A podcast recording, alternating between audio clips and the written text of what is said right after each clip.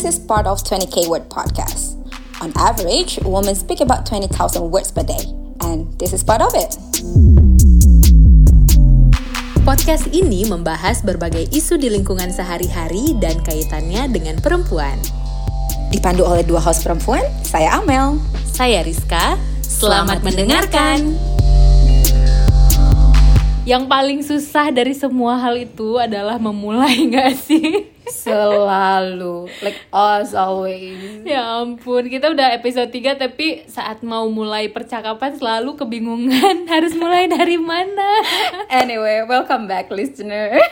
Yeay! Em, hari ini kita bahas tentang apa ya? Um, apa ya kak ya? Bahas tentang sesuatu yang dekat sama perempuan. Kalau kemarin-kemarin kan itu sangat general ya, bisa cewek Yap. dan cowok pembahasannya. Tapi kali ini eh, aku pengen nanya dulu sebelum kita masuk ke pembahasan topik intinya gitu. Eh, Amel terakhir kali kamu bad mood kapan Mel? Terakhir bad mood kayaknya Amel bisa tiap menit bad mood ya. Tapi uh, level-level bad mood itu berbeda-beda pastinya. Aku- kalau aku sendiri sih uh, paling banget yang aku ingat itu terakhir aku bad mood yang severe levelnya ya sekitar mungkin dua minggu yang lalu. Karena aku ingat banget waktu itu aku uh, mendekati haid mendekati period dan biasanya yang terjadi di aku itu aku mood swing parah kalau misalkan mendekati period gitu. So that was the moment. Terus kalau lagi bad mood gitu ngapain biar moodnya jadi bagus biasanya? tergantung sih ya kalau misalkan aku sendiri uh, biasa tuh kalau misalkan bad mood kadang tuh nggak ada pemicu gitu dan aku cukup aware dengan situasi emosional aku ketika aku bad mood dan the best way to avoid the problem dengan cara menyendiri gitu karena kalau misalkan bad mood dan kita tahu itu hal yang ya it's about me dan aku nggak boleh men- Melampiaskan. melampiaskannya ke orang-orang ya dengan cara menghindari dari orang-orang ketika dan sampai nanti aku ngerasa cukup stabil gitu. Hmm. Kalau untuk diri sendirinya eh, lebih milih ke tidur atau Bener bener bener karena that's the best way to avoid people kan ya. Mhm. Kalau misalkan Rizka sendiri, when was the last time? Kapan terakhir kamu ngerasa bad mood? Kalau dibilang bad mood aku kurang bisa mendefinisikan ya bad mood karena itu kan mood yang nggak bagus berarti ya. Benar, benar. Em, kalau aku sendiri lebih seringnya eh, feeling blue gitu, Hmm. eh, overwhelm, sering kayak overthinking, sering nangis tiba-tiba eh, sama hal yang eh, masalah kecil tapi nggak tahu kenapa kadang-kadang jadi ngerasa itu besar gitu di momen-momen tertentu aja. Mhm. Dan terakhir kali aku ngerasa kayak gitu tuh kapan ya? Sama kayaknya Mel dua minggu yang lalu juga. Kenapa tuh? Kayaknya aku ada lalu? ada cerita sama Amel deh. Iya iya. Iya kan, aku Kamu sempat mungkin mau ceritain ke listener gimana? nggak tahu tiba-tiba kemarin itu memang aku lagi di rumah sakit kan lagi kebetulan nenek aku dirawat jadi aku uh, shift sama saudara-saudara yang lain untuk jagain nah di saat itu tuh aku ngerasa em, di hari itu aja padahal kan ngejagainnya itu udah beberapa hari juga tapi di hari momen itu aja aku di hari itu aja aku ngerasa kok ngerasa sedih gitu tiba-tiba nangis aja padahal kemarin-kemarin juga Wow. udah di situ dengan keadaan yang sama Mhm. tapi nggak nggak nggak terlalu bereaksi seperti itu Nah, uh, sebenarnya kenapa kalau aku tadi menyebutnya juga dua minggu yang lalu, Rizka juga nyebutnya dua minggu yang lalu, itu sebenarnya bukan dalam artian semua semuanya itu terjadi tanpa alasan ya kayak. Kalau aku sendiri tuh uh, jadi ada satu yang namanya uh, kita sebut dengan PMS yaitu premenstruation syndrome gitu ya. Uh, dan mungkin ini cukup lumrah ya diketahui oleh banyak perempuan dan bahkan laki-laki. Karena kadang-kadang PMS itu dijadikan justifikasi untuk semua orang bahwa ah perempuan nih lagi moodnya nggak bagus pasti lagi PMS iya gitu. Dan actually aku nggak mau menjustifikasi itu semua, but then untuk aku itu terjadi. Iya. PMS itu does exist for me gitu. Mungkin buat yang yang belum terlalu familiar jujur aku dulu sempat nggak tahu juga gitu ada yang namanya PMS itu udah mungkin lima tahun yang lalu aku belum tahu ada PMS aku baru menemukan itu lima sekitar lima tahun yang lalu gitu kan. Dan em, dulu aku hanya ngerasa ya udah aku kadang-kadang emang mudian aja anaknya gitu. Nah, tapi Oke. setelah aku tahu adanya teori PMS ini Mm-hmm. atau sebutan PMS ini, barulah aku sadar ternyata aku anaknya itu bukan mudian, tapi memang ada masanya di dalam satu bulan aku nggak bisa mengatur emosi aku. Oke. Aku nggak bisa mengatur apa yang aku rasakan. Kalau di di luar eh, masa PMS, aku bisa bilang aku ini anaknya lumayan stabil gitu. Aku nggak akan bad mood eh, gara-gara hal sepele. Oke, tadi kita nyebut PMS, PMS, Mm-hmm. PMS, pre-menstruation syndrome. Everyone knows about that kan. Tapi apa sih sebenarnya PMS itu sendiri? Yang aku tahu dan em, yang juga terjadi di aku, PMS itu eh, setahu aku ya, kan ke- kalau kepanjangannya itu sendiri adalah pre-menstruation syndrome. Jadi itu adalah perubahan-perubahan yang terjadi di seorang perempuan eh, seminggu atau dua minggu sebelum kita akan menstruasi. Nah, perubahan-perubahan itu banyak. Bisa fisik, emosi dan juga tingkah laku kita gitu. Mhm. Nah, memang banyak juga artikel-artikel yang bilangin kalau ini nggak terjadi di semua perempuan. Benar banget. Dan tingkat eh, atau level perubahannya itu berbeda-beda setiap orang. Tapi kita kali ini mungkin di eh, episode kali ini bisa lebih ceritain ke experience kita aja Iya, kali ya, pengalaman ya. kita ya. Dan aku tiba-tiba kepikiran sih. uh, tadi Rizka sempat nyebut bahwa kamu tuh baru tahu tentang PMS segala macam itu baru lima, Lima tahunan yang, lalu. Padahal menstruasinya Iya. udah kapan ya? 15 tahun yang lalu atau 13 tahun yang lalu mungkin Aku kurang lupa. lebih Ah, segitu iya, ya. kurang lebih Tapi gitu, dalam SMP. artinya uh, kamu mulai tahu tentang PMS itu ketika memasuki umur 20-an. Hmm. Uh, dan itu udah memasuki udah melewati masa-masa remaja. Yang Iya. mana kita dapat PMS itu dari remaja. Tapi aku jadi kepikiran juga ya. Kok kita baru tahunya itu di akhir, Mhm. bukan di awal. Yang mana harusnya kita lebih aware tentang hal-hal tersebut di awal. Um, ya sebenarnya simply karena memang menstruasi itu sendiri sampai sekarang masih dianggap sebagai stigma negatif ya Mhm. dan orang-orang masih sangat tabu membicarakan tentang Iya. menstruasi segala macam. Bahkan aku ingat banget dulu ketika aku menstruasi pertama kali, aku termasuk salah satu perempuan yang mendapatkan menstruasi cukup awal. Aku Hmm. mendapatkannya ketika di kelas 5 SD. Wow, cukup cepat er- ya, iya, ya. cukup cepat. Dan aku ingat banget waktu itu aku bahkan nggak berani bilang sama teman-temanku bahwa aku udah haid Oke. dan um, aku ngerasa malu, Malu. terhadap diri sendiri sampai sekarang aku masih ingat banget perasaan itu dan uh, namanya anak-anak tahu sendiri masih yang main-main segala macam tapi ada momen-momen ketika aku harus duduk sendiri aku uh, nggak bisa bergerak banyak aku nggak tahu harus kasih tahu ke teman-teman aku seperti apa karena mereka masih belum merasakan itu semua dan itu masih mer- merupakan hal yang sangat memalukan.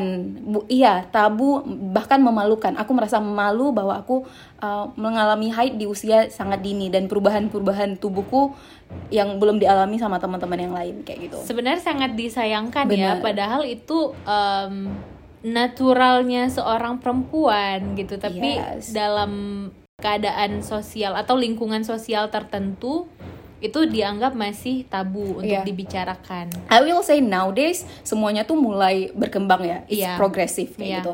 Tapi masih banyak beberapa orang yang menganggap menstruasi itu hal-hal yang sangat tabu. Bahkan di negara-negara barat, aku ingat banget ketika jadi aku punya beberapa teman yang dibesarkan dan lahir di negara barat dan uh, salah satu dari mereka ketika aku bilang aku lagi haid nih, why you tell me that gitu. Hmm. So then what? Kayak gitu. Aku aku dengan mudahnya aku bilang aku lagi menstruasi tapi dan um, dia langsung responnya itu kebetulan temanku itu cowok Mm-mm. dan ekspresinya tuh langsung kayak gross out gitu kayak iuh gitu. Oh. Dan ya di situ aku aware ternyata hal-hal tersebut masih tabu bukan cuma di lingkungan kita. Aku Hmm. mikirnya dulu tuh cuman karena kita di daerah kecil yang mungkin pendidikannya belum bagus. Atau tapi ternyata itu budaya seluruh timur dunia. gitu. Iya budaya timur, budaya Asia. Tapi ternyata itu terjadi itu di seluruh dunia. Hal-hal Apa kayak gini karena tabu. menstruasi itu berhubungan sama darah kali ya?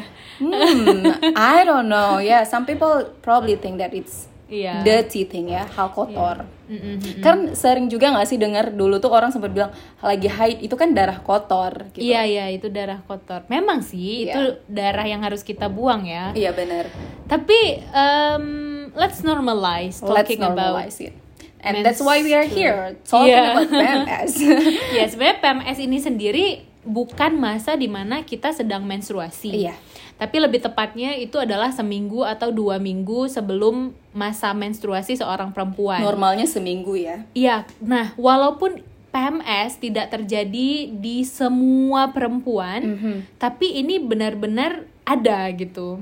Perubahan ini memang terasa, apalagi eh, kita berdua ya sering sharing.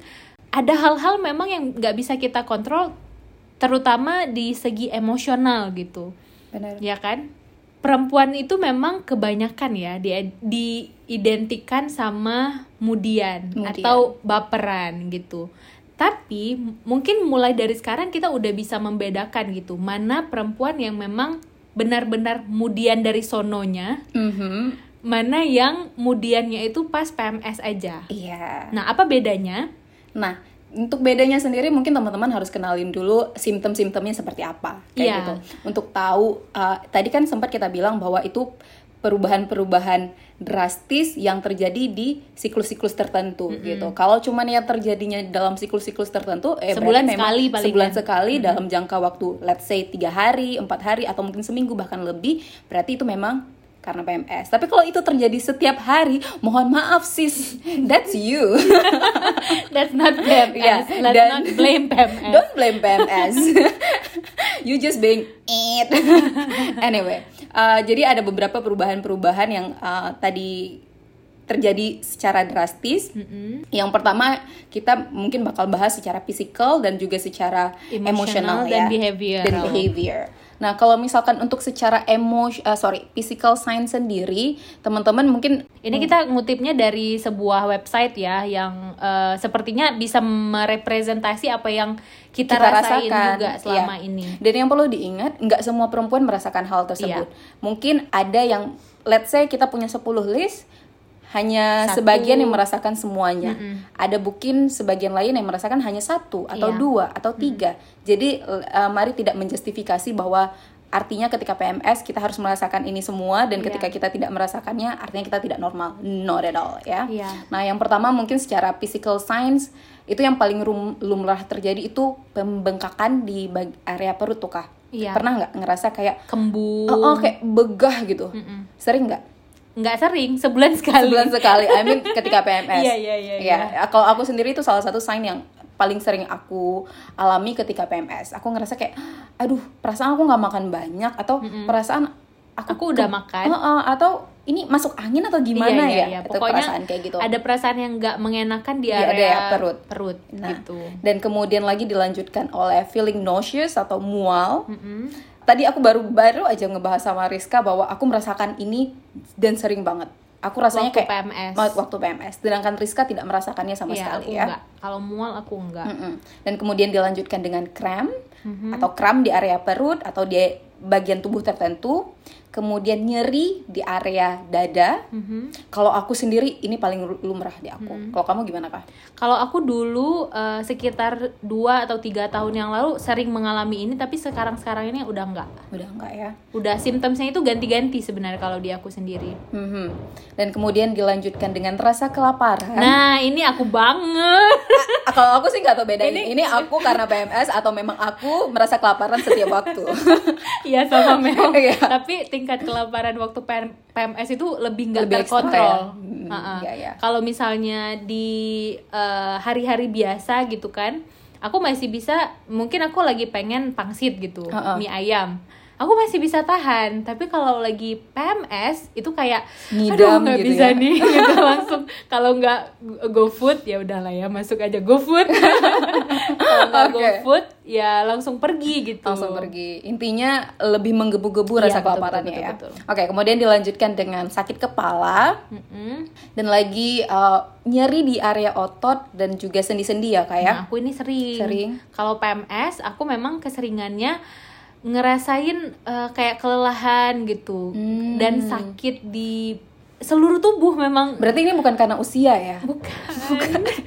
aku sempat juga ngerasa kadang-kadang kan eh, walaupun aku sendiri udah paham Mhm. setiap bulan tuh akan ada period PMS-nya, Mhm. tapi kadang-kadang kan kita menjalani hari-hari ya udah biasa aja Bener. dengan ekspektasi-ekspektasi kita gitu kan, ekspektasi untuk menjadi produktif, ekspektasi untuk eh, tetap bekerja gitu. Tapi ada hari-hari di mana aku ngerasa nggak mood, pengen tiduran aja, ngerasa terlalu capek ngerjain sesuatu yang biasanya di hari-hari yang lain aku bisa kayak dari pagi start sampai jam 12 tuh aku nggak berhenti berhenti juga nggak apa-apa Iya. tapi kalau di masa PMS aku memang ah pengen tidur pengen rebahan aduh level lelah, capeknya gitu. itu lebih cepat Iya, benar, ya. benar, benar. Oke. Uh, kemudian dilanjutkan dengan swollen hands and feet, itu artinya pembengkakan di area kaki dan tangan memang kita berdua nggak Nggak pernah. nggak pernah Mm-mm. tapi mungkin ada yang pernah yang ya mengalaminya. Kemudian jerawat, sis. Oh. Itu paling banget dan, Dan this is the most annoying one. Iya. Mengganggu banget. Aku nih aduh kak nggak tahu bilang ya. Kalau misalkan jerawat tuh kadang-kadang ada momen ketika aku ngerasa wah kulitku udah lumayan nih udah agak enakan. Terus tiba-tiba udah PMS lagi. Muncul Tumbuh lagi. lagi. sis yang kemarin belum sembuh muncul lagi. Seperti luka yang belum sembuh tapi harus ditaruh jeruk lagi. nipis lagi masalahnya. Double attack sis. Oke selanjutnya. Kita kebanyakan ngobrol ini. Selanjutnya adalah uh, weight gain berat badan yang, yang uh, bertambah. bertambah. Mungkin gara-gara hunger tadi Hunger kelaparan tadi. yang luar biasa bisa itu. jadi. Atau mungkin metabolisme kita nggak begitu lancar ketika ya, ya, haid bisa itu jadi. sendiri. Dan kemudian constipations or diare. Constipations ini apa ya bahasa Indonesia apa ya kak? Kok aku lupa? Sembelit sis. Oh ya Oh ya, sembelit. oke. sorry. Atau diare. Atau diare. Nah aku ini jarang sih kalau kalau aku diare nggak pernah tapi lebih ke constipation. Constipation uh, itu hal yang lumrah bagi aku. Nah tapi ketika haid itu jadi ekstra banget. Oke, tadi sebenarnya kita baru aja membahas tentang keadaan fisik yang bisa jadi berubah di saat PMS dan ada beberapa ya kayak sesuai dengan pengalaman kita tadi yang udah kita ceritain. Aku nggak semua ngerasainnya nggak semua. aku nggak semua juga dan sih ada tapi itu pasti setiap bulan tuh bagi aku kayak pasti ada Benar. mood swing, ada keadaan yang pokoknya nggak enak. Ya. Bahkan aku bisa bilang dari beberapa list yang tadi kita udah sebutin, 85 persennya aku ngerasain. Iya, aku juga. Benar, Gitu. benar. Oke, mungkin selanjutnya yang emotional signs kak gimana? Iya, tadi kan udah physical Mhm. atau perubahan di fisik ya, lebihnya lebih ke fisik. Ada juga perubahan secara emosi, di mana sering ya, kalau menurut artikel yang kita baca ini, eh, cewek-cewek yang PMS itu ngerasa anxious eh, atau Khawatir ya, lebih gelisah. iya gelisah, khawatir yang mungkin berlebihan ya. berlebihan. Terus di sini ada crying. Nah, ini aku banget. banget sih. Mungkin karena tadi penyebabnya si gelisah tadi ya. Iya, iya, aku tuh iya. paling sering kayak overthinking kalau Iya. misalkan period. Dan itu menjadi alasan aku entahkah aku gelisah kemudian overthinking atau aku overthinking kemudian gelisah, dan berakhir dengan aku menangis. Menangis, itu iya jadi dua hal yang kayak relate one another gitu untuk aku sendiri. Sebenarnya jujur aku tipikal orang yang susah untuk nangis kalau di hari biasa. Maksudnya aku kalau nonton film yang sedih, sangat-sangat sedih pun terkadang aku nonton sama teman atau kakak gitu kan. Orang samping udah pada nangis, aku kayak biasa aja. kayak heartless gitu ya. Kadang-kadang ngerasa kok aku gini amat ya. Cuman period yang bisa bikin Rizka nangis Iya ternyata. benar. Tapi kalau misalnya aku udah gampang nangis, nah aku langsung eh, kayak ngingatin diri sendiri, jangan-jangan ini mau eh, mau mens gitu, Iya, mau haid. Nah terus ada juga mood swing. Ini Itu yang tadi kita sih omongin ya. Terjadi mood kadang-kadang paginya lagi sangat be- berasa bersemangat, terus jam 10 langsung drop shy. kadang-kadang udah ngeplan hari-hari aku besok harus kayak gini kayak gini kayak gini semangat banget eh bangunnya ah, melempem Kayaknya nggak hari ini kayaknya deh. enggak hari ini take a rest Mel oke next kak Uh, terus bisa jadi kurang tidur jadinya Mm-hmm. karena nggak bisa tidur juga. Terus uh, mungkin karena banyaknya sim symptoms yang kita rasain, kita juga jadi lebih uh, punya tendensi nggak pengen ketemu sama orang kayak Amel Mm-hmm. bilang tadi ya. Kalau lagi bad mood jadi nggak pengen ketemu sama orang karena um, kita lagi nggak berada di situasi Iya. terbaik kita tidak gitu ingin kan. bersosial ya Iya, jangan sampai orang jadi korban, Jadi korban. bad moodnya kita.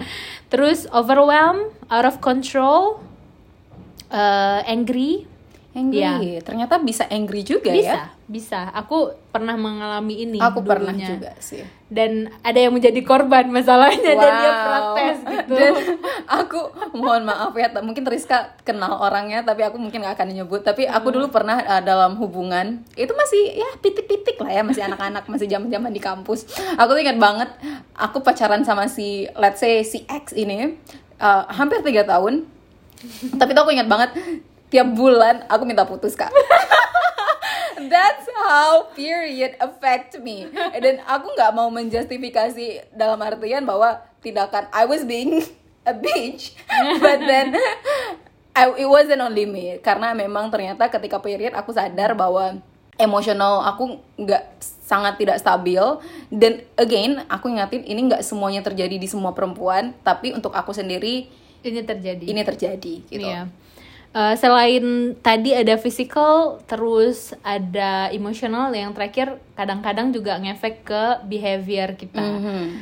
Kita jadi pelupa, Wow. suka mm, gampang lupa, terus kehilangan mental fokus.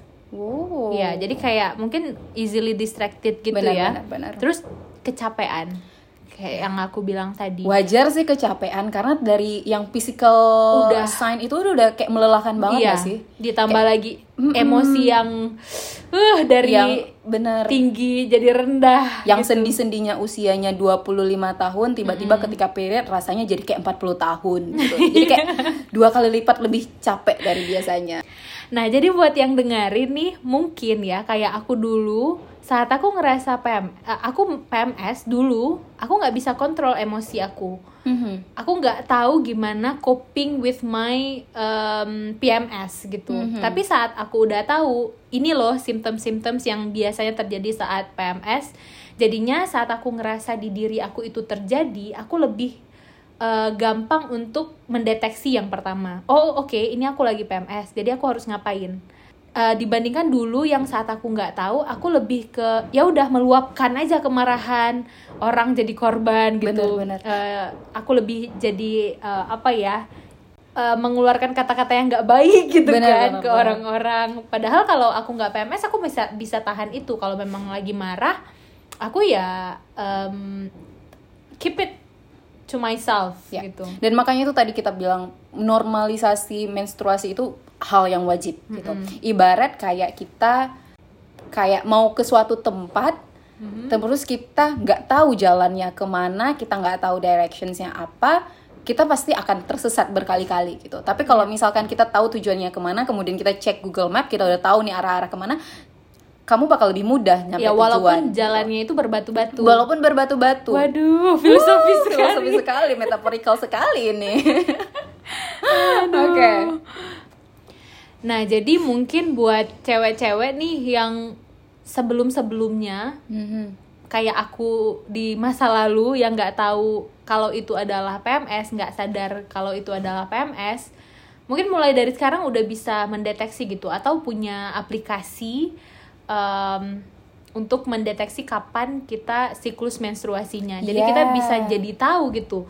Kalau udah ada yang berubah di diri kita, ada yang bikin kita terlalu overwhelmed tiba-tiba, it's okay, just Ini accept penting it. banget loh, ini penting banget beneran. Dan uh, mungkin nanti aku bakal share juga beberapa aplikasi yang aku pakai. Tapi bukan artiannya kita di sini ngiklan ya, kita nggak dibayar, jelas siapa kita gitu. Tapi memang aku punya beberapa aplikasi yang bahkan aku pakai sampai sekarang dan itu membantu banget buat ngetrack uh, ininya. Mau di spill sekarang aja nggak kak? Atau nanti aja di akhir kita spillnya?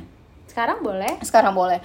Kalau misalkan aku sendiri tuh uh, mungkin teman-teman bisa coba cek di Google Play for Android atau uh, Apple Store kalau kalian pakai uh, eh, iPhone. Itu namanya Flow, F L O. Itu aplikasi yang menurut aku uh, Bagus. bagus banget. Emang dan uh, mereka sistemnya itu sangat personalized gitu. Jadi kayak aku bakal ngetik tik tik tik berapa hari aku hide-nya dan uh, Langsung untuk ke depannya dihitungin. mereka memprediksikan gitu. Nah untuk ke depannya mungkin bisa jadi period itu lebih telat atau lebih lebih lambat gitu. Jadi aku tik tik tik lagi jadi mereka memprediksikan siklus aku berdasarkan pengalaman-pengalaman aku gitu. Jadi mereka tidak mengeneralisasi. Again, it's just a prediction gitu. Bisa jadi salah, tapi selama ini yang aku udah alamin itu cukup akurat gitu. Dan pentingnya lagi karena aku ngerasa aplikasi ini sangat uh, penting untuk aku, aku bener-bener kayak uh, ngikutin arahan mereka gitu. Misalkan untuk ngasih tahu simptom-simptomnya apa, I let them know gitu. Aku bener-bener kayak open book gitu sama aplikasi-aplikasi seperti ini. Mereka sudah mencuri data-data hidup Amel. Iya, mereka tahu aku hide itu kapan, mereka udah tahu semua. Aku sholat sehari berapa kali, mereka kayaknya tahu. Itu Muslim Pro kali ya. anyway, what app do you use kak? Aku nggak pakai app sih, karena Mm-hmm. memang em, apa ya? Nggak tahu. Aku nggak nggak suka aja ngetrack ngetrack gitu. Oh, Uh-uh. okay. So how do Uh, you do that? Dua apa nih? Uh, I mean tracking your period. Kamu untuk uh, aware tentang oh aku nih mau haid nih gitu. Uh-uh. Aku palingan berpatokan sama bulan lalu. Bulan lalu aku eh, haidnya tanggal berapa. Jadi next month-nya Oh, pasti nggak nggak jauh-jauh dari situ. Jadi kalau misalnya aku udah mulai cranky, grumpy Mhm. dan overwhelmed sendiri di tanggal-tanggal misalnya let's say awal bulan. Oke. Ya udah di awal-awal bulan-bulan depan aku akan oh oke ini kalau aku lagi nggak ngerasa enak dengan diri aku sendiri ya ini PMS gitu. Ya, dan satu lagi uh, menurutku ya, Faed, mungkin seperti Rizka tadi bisa juga mungkin lebih memilih uh, cara manual. Kalau aku anaknya sangat tidak tertata dan butuh ditata oleh aplikasi, aku menggunakan Flow itu gitu. Dan uh, Oke. itu penting banget juga untuk perempuan-perempuan mungkin yang sudah menikah gitu. Karena uh, kita Masa tahu subur ya? masa subur perempuan itu punya masa subur. Uh, kapan dia masa suburnya, kapan dia ketika mungkin berhubungan sama suaminya eh langsung jadi gitu. Ada masa-masa ketika dia mencoba berkali-kali tapi nggak jadi gitu. Karena Jangan memang siklus-siklus jangan sampai keceplosan. Jadi aplikasi ini bakal ngingatin kamu oh ini kamu masa suburnya. Oh ini kamu uh, aman nih buat berhubungan. Kalau kamu nggak punya nggak pengen punya keturunan gitu. Iya, lagi program. lagi program gitu deh. Anyway hari ini kita kedatangan tamu sebenarnya. Tapi dari tadi kita ikat supaya dia tidak bersuara. Kita lem. kita lem karena susah banget disuruh lem mulutnya gitu. Dan sebenarnya kita butuh bantuan dan opini si perempuan ini supaya mungkin bisa nambah ide-ide untuk Sebenarnya gini, biar jangan eh, ngerasa kita generalisasi gitu Iya, tentang PMS. benar. Kita juga harus punya opini dari orang lain. Kalau ini nih sebenarnya nggak terjadi sama kita aja benar gitu. Jadi ya persentasenya nambah lah ya walaupun Iya. cuma 0,000 sekian persen gitu mungkin kita ntar kalau di Instagram bisa nanyain juga ke followers followers di Benar. akun pribadi ya pastinya karena akun Instagram ya- yang masih 16 follow dong follow ig.ppp follow dong Anyway, tamu silahkan bersuara. Kami panggil kamu. Dan mulainya gitu kan, makanya kita ikat dari tadi. Siapa Hai. kamu nak? Aduh, aku lagi seksi banget ya suaranya kali ini. Tolong jadi- suaranya gak usah dibuat-buat kayak bia- biasa aja, shy. Shy. Jadi Kena. Oke, tolong eh, perkenalkan diri. Eh, nama aku bilang nama asli ya. Ya, sure. Jadi kamu mau sebut nama kamu Bunga Iya, sebut saja Sinta. atau Bambang? Aku pilih Jamal. Siapa Jamal? Apakah ada cerita yang kita kita dengarkan akhir-akhir ini? Gak ada loh di di TikTok banyakan gitu. Oh, Oke, nanti anak TikTok ternyata. Oke, siapa kamu anak TikTok? Oke, aku Linda. Eh, dan di sini aku lagi eh, bindeng.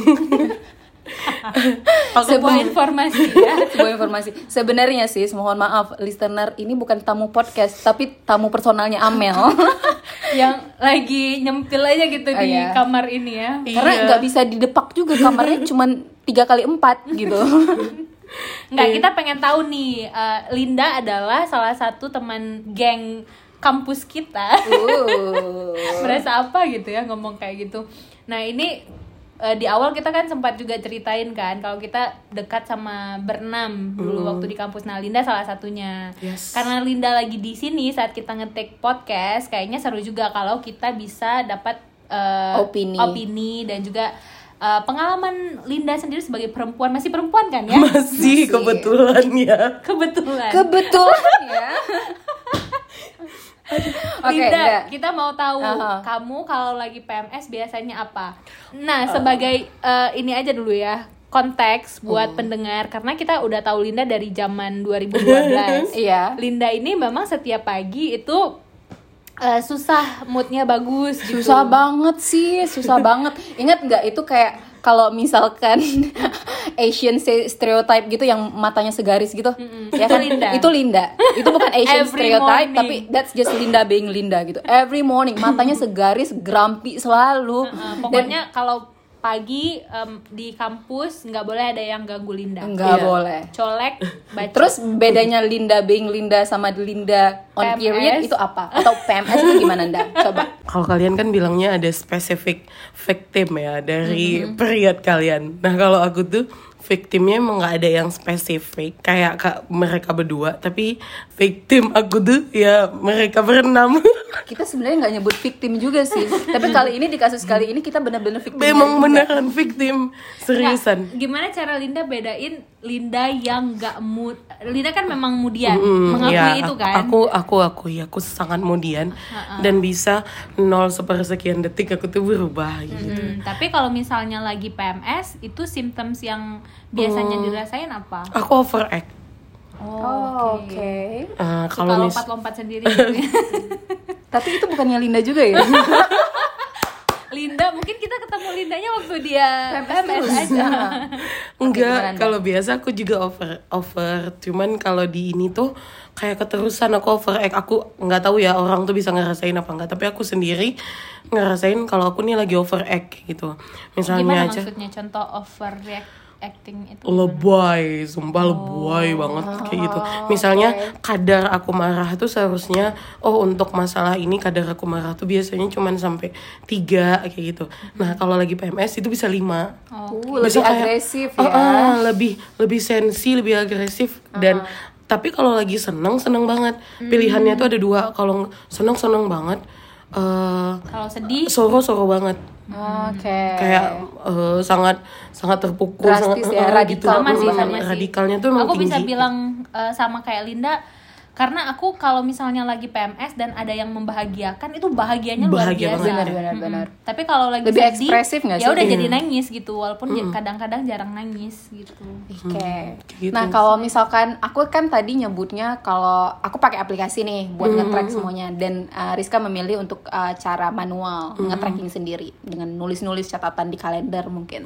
Nah, kalau misalkan Linda sendiri gimana? Ada saran nggak aplikasi atau cara-cara tertentu yang kamu pakai buat nge-track period kamu dan kamu lebih aware tentang simptom-simptom itu? Hmm, nah kalau dulu aku nggak aware ya masalah hal itu PMS aja aku nggak aware loh dulu tuh tahunya dari Kaika juga jadi kayak eh, Please don't Um, mention Kaika, gak ada oh yang iya. tahu siapa Kaika.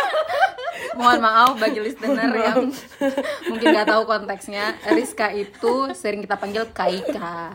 Dan itu sekarang jadinya jadi nama. eh, ya. jadi nama bukan Kak Ika bukan tapi kayak jadi panggilan aja Kaika. Kaika gitu Please di sini panggilnya Rizka Ah, ya. Oke, aku taunya dari Rizka juga PMS itu dulu tuh aku aku tahu PMS itu ya masa kita period tapi aku nggak tahu kalau itu tuh sebenarnya pre yaitu sebelum kayak gitu. Hmm, bukan dan bukan se- lagi sedang sedang sedang terjadi atau setelah terjadi. Nah aku udah baru tahu itu ada kepanjangan. Karena dulu tuh aku tahunya dari cowok aku nggak ingat cowok Bigi bilang sama aku aku kayak kok kok lagi PMS ya? Jadi aku kira Hah, aku nggak masuk organisasi PMI Organisasi sis. aku kira aku kira PMI gitu loh Palang Merah Indonesia Palang merah. Apa ya kalau Palang S ya? Soviet Udah pindah negara, Bu. Beda negara. Syukur-syukur dia mikirnya itu organisasi positif berarti anaknya. Untung dia nggak Positif. mikirin itu sekte apa gitu. enggak aku belum pikiran aku belum sampai sekte waktu itu Jadi sebagai eh, ini aja ya pembeda aja ya. Eh, Hmm. PMS itu memang yang terjadi sebelum yes masa menstruasi. Kalau menstruasi beda lagi simptomnya. Makanya yang laki-laki juga harus tahu sih sebenarnya apalagi yang sudah beristri, yang punya Yes. pasangan. yes benar Kalian harus tahu setiap bulan itu perempuan need her Yes. space. ya benar benar Dan juga It's jangan not easy being jangan perempuan. juga ngerasa ketika perempuan lagi haid terus ih PMS sis itu bukan PMS itu memang simptomnya ketika Yes. period PMS itu terjadi ketika sebelum Ya, PMS kita sendiri Iya. sebenarnya nggak mau kita kita sendiri kan pengen selalu bisa mengontrol emosi kita kan Yes. tapi saat saat PMS itu bisa dibilang kita nggak bisa ngontrol apa yang kita rasakan. Susah sih bukan susah. nggak bisa. Kalau aku sendiri bisa dibilang nggak bisa Mel. Karena kayak misalnya lagi sedih gitu kan. Kalau di hari-hari biasa kalau aku lagi sedih ya udah aku tinggal nonton yang bahagia-bahagia aku selesai kayak gitu. Benar, benar. tapi kalau lagi PMS itu bisa berkelanjutan. Nah tadi belum selesai jawaban Iya, aku. iya. balik balik lagi apa tadi bu aplikasinya bu. Aplikasi. Nah jadi dulu itu PMS eh, bukan PMS sih, maksudnya aku tuh nggak pernah ngitung.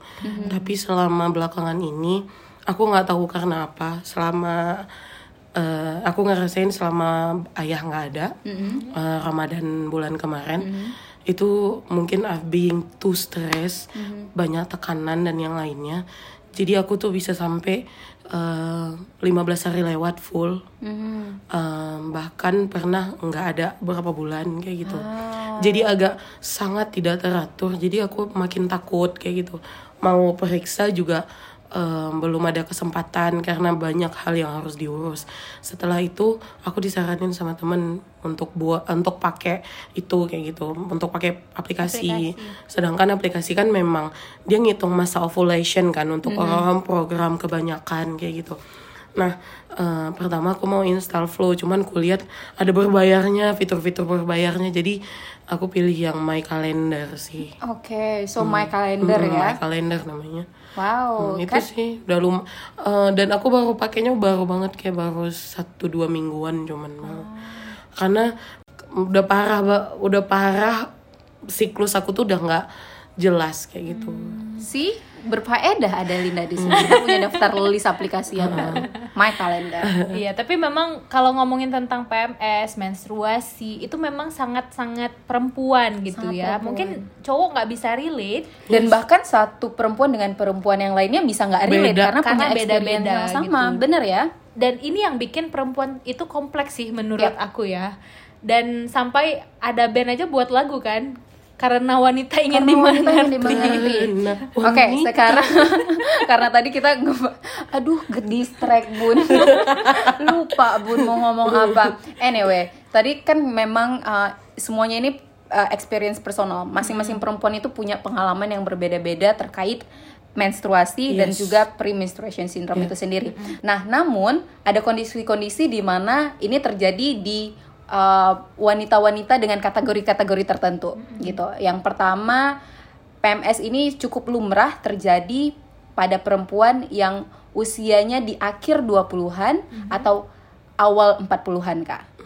Nah, lebih lebih cenderung terjadinya di umur segitu kali ya. iya cenderungnya ya. seperti itu. Dan aku ngerasa ini sangat relate dengan aku. Iya, Contohnya misalkan dulu itu aku ketika PMS aku nggak pernah ngerasain yang namanya sakit perut yang sampai ke fisik ya. ke fisik. Ah, ah, paling yang kayak Mental iya. mentally mood swing iya tapi nggak pernah yang sampai aku nggak bisa bergerak sama sekali nah aku ingat banget aku bahkan ingat tanggalnya kapan itu terjadi dimulai di 2018 aku mulai merasakan apa yang itu namanya cramp constipation bloated feeling bloated gitu ngerasa bengkak ngerasa yang memang bahkan ada momen-momen ketika aku ketika um, PMS dan ketika period itu sendiri yang aku nggak bisa bergerak sama sekali Hmm. dan itu bukan hal yang terjadi Itu di, di- aku dari awal Itu di masa PMS-nya iya. ini. Waktu kita di Berubah usia yang lebih muda dulu. iya iya bener banget Kurang Aduh, gitu ya. ya nggak tua juga sih sih sekarang Maksudnya kayak di awal 20-an dulu mungkin ini Yap. nggak terlalu berasa di kita dan nggak terjadi gitu. Tapi makin ke sini em, makin banyak symptoms yang kita rasakan gitu. Makanya kayaknya kita seru gitu untuk bahas ini kan kemarin. Dulu masa masa dulu aku eh, SMP kan kita rata-rata kenanya SMP ya. Masa dulu kayak nggak terasa nggak sih kayak yaudah tek tad Eh, pagi udah tiba-tiba udah ah, udah ini aja, aja gitu. benar-benar. Nggak ada yang significantly terasa ini kayaknya mau head deh. Iya, Waktu ini kuliah aku kayak merasakan eh, eh, yang paling eh, sering ya kayak sakit di payudara, sakit di pinggul eh, atau ada yang paling aneh tau gak sih gatal di ketiak Ah, PMS aku jadi, pernah jadi, gatal ketiak, gatal gatal di bagian dada juga pernah. Jadi kayak Hmm. ya aku gat, gatel gatel aja pokoknya nggak digigit nyamuk nggak apa-apa tapi gatel Hmm. Gitu. Nah sebenarnya tapi kita sendiri kan bingung ya kalau di masa PMS itu sendiri kita kayak aku bilang out of control. Kita ng- hampir tidak bisa mengontrol apa yang kita rasakan. Apalagi kalau di perubahan fisik itu kan memang ya udah gitu kan. Kalau udah kram ya kram aja gitu. Nah tapi ada eh, saran nih sebenarnya Saran. yang bisa kita lakuin eh, lebih ke lifestyle sih. Hmm. kan kita bagusnya itu mencegah kan daripada Benar. mengobati. Karena kayak PMS ini sendiri kan nggak bisa diobati juga. Iya, dan gak dianjurkan minum obat-obatan sih. Iya, ini juga menjadi pro kontra eh, di antara orang-orang. Eh, jangan terlalu mengagung-agungkan PMS lah gitu kan. Karena bisa jadi itu menjadi sugesti. Nah tapi ada baiknya kalau kita ini udah sadar ini udah terjadi misalnya di kita ada baiknya kita Melakukan mulai tindakan Uh-uh, terhadap hal itu ya. melakukan beberapa pencegahan dengan cara mengubah gaya hidup. Yang paling uh, bisa kita ubah secara signifikan itu adalah kebiasaan olahraga. Hmm. Setidaknya sempatin waktu 30 menit aja untuk olahraga uh, di setiap harinya gitu. Nah, sebenarnya ini udah mulai aku terapkan di awal 2021 kan. Aku udah mulai rutinin olahraga setidaknya seminggu tuh tiga kali. Nah itu jujur berkurang, Uh, baik di PMS-nya atau di saat menstruasinya. Menstruasinya. Itu sangat terasa. Saat menstruasi aku bisa jadi nggak ngerasain sakit sama sekali. Hmm. Oke. Semenjak aku rutin olahraga, tapi PMS-nya yang belum sampai sekarang ini belum ada solusi sih. Kalau mood swing ya udah mood, mood swing aja gitu. Tapi alhamdulillah ada perubahan di saat menstruasi gara-gara uh, aku ngubah kebiasaan hidup gitu. Dari dulunya nggak pernah olahraga, bukan nggak pernah sih, nggak rutin aja. Mhm. Dulu aku sering sepedaan atau uh, yoga di rumah Tapi nggak gitu. konsisten Nggak kali ya? konsisten. Tapi saat aku mulai konsistenin sekarang malah udah setiap hari karena kalau aku nggak olahraga satu hari aja badan aku tuh ngerasa nggak enak malah Yap. Kerasa nggak ringan aja gitu. iya iya Iya. kerasa berat di badan gitu kalau nggak olahraga sekarang ya dan itu ngefek ke pre dan juga saat menstruasinya Menstruasinya gitu. sendiri. terus selain eh, olahraga kira-kira apa lagi ya Nah, selanjutnya mungkin dengan cara makan nih, makanan yang sehat kayak misalkan gandum, buah-buahan dan juga sayur-sayuran. walaupun mahal Walaupun mahal, mahal, ya, sis. Shay. karena Mahal, menurutku uh, sebenarnya menjaga apa yang masuk ke tubuh kita itu lebih penting ketimbang menjaga apa yang keluar gitu. Iya. Ibaratnya ketika kita uh, pembuangan nih, baik lewat keringat ataupun lewat bawah feces, uh, itu kan apa yang masuk ke dalam tubuh kita nih. Tapi ketika kita menjaga apa yang masuk ke dalam tubuh kita, itu insya Allah nih yang keluar kayaknya bakal juga lebih mudah atau Iya. lebih bisa dikontrol lah ya. Jadi jaga makanan, kemudian apalagi kak? Kalau makanan itu bisa banyakin buah-buahan, eh, sayur-sayuran, eh, terus biji-bijian, Mhm. minum susu juga jangan lupa, eh, terus Terus bisa, tuh yang hijau-hijau. iya itu sayuran ya. Sayuran ya. Seenggaknya Terus kan hijau. eh, kalau makanan lagi juga harus menghindari beberapa hal kayak eh, garam, terus yang mengandung Kopi. kafein, Ya. alkohol ya kalau yang garam, garam gimana sih hindarinnya? eh, Garam itu kayak kayak kayak perlu nggak sih di, di Perlu kita? sih bun, tapi kan mungkin jumlahnya kali ya bisa di reduce. Kadang-kadang ada sebagian orang itu yang ekstra banget makan Kalau garamnya. kalau emakku, kalau emakku udah mulai em- emak saya udah mulai pakai udah mulai pakai garam yang ini Himalayan ya. Himalayan salt. Eh, Oke, Emang oke. yang merah itu karena itu lebih mahal kan biasanya kan. lebih mahal. Konsep perempuan ya. Bukan biasa perempuan, konsep biasa wanita. yang mahal-mahal itu yang Lebih bagus, gitu loh nah jadi katanya eh, Kak, dia itu kurang apa kayak gitu jadi dia itu lebih sehat dari garam biasa oh, gitu Mungkin jadi mineralnya lebih, tinggi lebih, Ah, ah, atau dia pink pink We don't gitu. Ya, I'm not Iya. sure. Mungkin bisa di research lagi ya, Ya. gimana cara mensubstitute garam dengan yang lain. Yes. Nah, selain mengganti gaya hidup dengan olahraga dan ganti makanan, bisa juga mengatur pola tidur. Ayo Pola yang suka tidur. begadang, yang Langsung suka kena begadang. tepo ya. itu satu hal yang paling susah banget Aduh, aku iya. hilangkan sampai sekarang dulu tuh aku pernah yang uh, bener-bener kayak tidur tuh dari jam 9 jam Seger 9 tuh udah? Udah. I'm dead gitu Iya. dan bangun uh, subuh abis itu paling kayak cuman kayak resting my body for a while kemudian aku aktivitas lagi di jam 6 Segar dalam berpikir gak sih kalau udah segar, pola segar kayak gitu? banget tapi ya namanya ketika Tapi kita tuh iya, iya sama. sama sih sebenarnya. tapi masih ada Masih tapinya. ada tapi ya. namanya kita manusia Sia bun, iya bun, aku berdua nih bun. udah jadi eh, tercipta kubu ya. Tercipta Iya. kubu Morning ya bun. and night owl. night owl Night oh bun. Oke, next apa kak? Eh, bisa juga kita berusaha untuk mengurangi em, penyebab penyebab stres. Oke. atau eh, apa ya kalau kita udah tahu suatu hal itu bisa bikin kita stres ya udah dihindari. Apalagi udah dekat-dekat sama PMS Manage workload ya Iya bisa jadi untuk yang bekerja manage workload. Tapi untuk yang berada di eh, lingkungan yang tidak bagus bisa juga menghindari ketemu sama orang-orang yang toksik Toxic. Iya, benar sekali. Benar-benar. Toxic people have to be destroyed. Rame ya kali ini podcast kita ya, padahal nambahnya cuma satu orang. Enggak, bilangin toxic people. Mungkin kita toxic juga bagi orang lain. Ya. L- We should look at the mirror tuh ya. Iya, iya, iya. Anyway, Eh, apalagi ya, yang nge-track tadi juga udah bagus sih sebenarnya. Jadi kayak badan kita udah punya sinyal tentang eh, kayak udah lebih ready aja gitu. ya. Kapan akan terjadi. Dan yang terakhir mungkin ketika memang simptom-simptom itu sangat susah dihindari, tidak salahnya untuk mengambil uh, jalan ninja.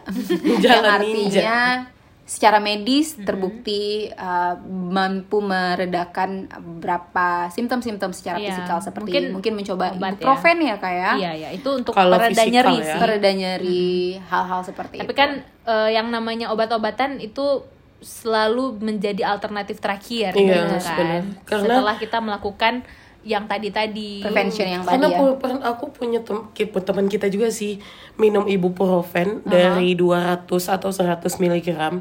Sekarang tuh udah harus sampai 400 mg baru baru apa? Hilang. Baru hilang. Nyeri. Yang awalnya itu cuma 100 mg. Mungkin karena ya kita kan namanya juga per bulan ya, Tubuh itu beradaptasi ya. Ah, ah, selalu ada per bulan kita sim ah, bukan simptom sih yang tadi itu physical uh, effect kan.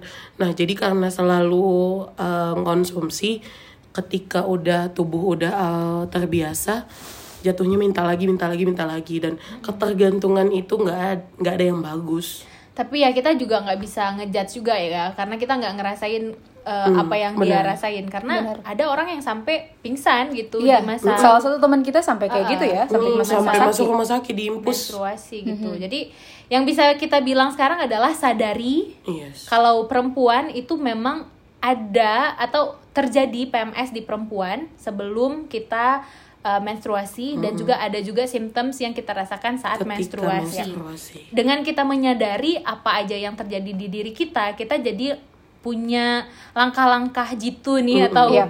sedia payung sebelum hujan Iya benar. Dari kita sendiri gitu. Jadi kita kalau udah ngerasa ada sign-sign yang udah nggak enak, kita langsung bisa tahu kita harus ngapain. Dan jangan sampai menjadikan alasan uh, PMS itu sebagai alasan untuk kamu melakukan suatu tindakan yang tidak iya. baik. Iya Ya. benar. Jangan sampai kamu marah-marah sama orang lain Iya. dengan uh, kambing hitam PMS, PMS.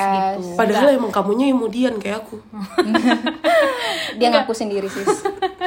Maksudnya kita nggak usah nggak perlu menjadi seseorang yang jelek, perempuan yang apa ya karakteristiknya jadi nggak baik gitu gara-gara hanya PMS. Cukup sadari apa yang kamu rasakan, Kemudian hindari. hindari, terus terima aja gitu. Kalau emang lagi PMS ya udah terima Ya. aja. Dan kalau nggak nggak bisa ketemu sama orang karena lagi terlalu eh, apa ya terlalu hype eh, terlalu tinggi tensinya, tinggi ya udah di rumah aja. Atau kalau kamu lagi fisiknya lagi nggak bagus, udah mau mendekati hari haid, jangan terlalu melakukan fisik eh, apa kegiatan fisik yang Yes. terlalu berlebihan. Bener oh aku banget. pernah, jadinya kepanjangan lagi nih. Nggak apa-apa. Karena kayak aku contohnya, aku nggak nggak sadar kan kemarin itu aku PMS, jadinya aku hiking, terus aku pingsan. Ah. Nah mungkin kalau aku di masa eh, nggak PMS, aku pernah juga eh, ke apa ke- ada kegiatan seribu guru kemarin itu jalan dua jam bulak balik jadi empat jam aku sanggup tapi saat aku PMS aku hiking yang cuma 15 menit kemudian pingsan. pingsan Ya, Gitu. intinya you should know your limit ya. Iya, untuk benar, menghindari benar. hal-hal seperti itu. Sekarang aku udah mulai kalau misalnya udah merasa high tension kan, aku mulai eh, udah ada rencana nih, pergi sama teman kan, hangout sama teman. Terus aku bilang kayaknya aku cancel ya, walaupun di jam-jam akhir tuh. Daripada aku bilang aku bakal bad mood di sana, suasana satu meja itu nggak bagus. Dan sekarang juga kerjaan aku, alhamdulillah aku di anugerahi atasan yang sangat baik di perusahaan. Jadi ketika aku bilang eh aku minta izin hari ini satu hari untuk bulanan aku sakit bulanan aku dia udah oke langsung. Tapi memang ada beberapa kantor yang sudah memberikan cuti untuk menstruasi. Yes bener. Itu awareness banget. Bagus Iya, ya bagus. jadinya orang-orang jadi lebih aware. Ah, dan kayak mana ya workflow kita juga nggak keganggu. Ya, semoga dengan eh, ba- lebih banyak perempuan, lebih banyak laki-laki yang menyadari kalau ini adalah naturalnya perempuan, Ya. semakin banyak penyesuaian-penyesuaian yang bisa dilakukan ke depannya, baik secara pribadi atau dari lingkungan kita sekitar gitu. So yeah, we've been talking a lot today A ya karena lot. ini tentang perempuan banget dan memang kita relate banget. Ditambah lagi kita punya tambahan pembicara hari ini. But then guys, again uh, seperti yang Rizka bilang tadi, apa pun itu pelajari, kemudian tidak hanya mempelajari tapi juga belajar untuk melakukan mela- uh, tindakan-tindakan untuk memprevent hal-hal buruk terjadi ya. Change your lifestyle. Change your lifestyle. Okay, everyone. So, See you on the next episode. bye. Say bye, Linda. Say bye. Linda. bye ini kalau nggak diikat aku lebih banyak lagi ngomongnya tuh gak sih Diam. Terima kasih sudah mendengarkan Part of 20K Word Podcast episode kali ini. Reminder, karena kita bukanlah expert dari topik yang sudah dibahas, yuk jadi smart listener dengan baca dan dengar lagi dari sumber lainnya sebelum mengambil kesimpulan dari pembahasan hari ini.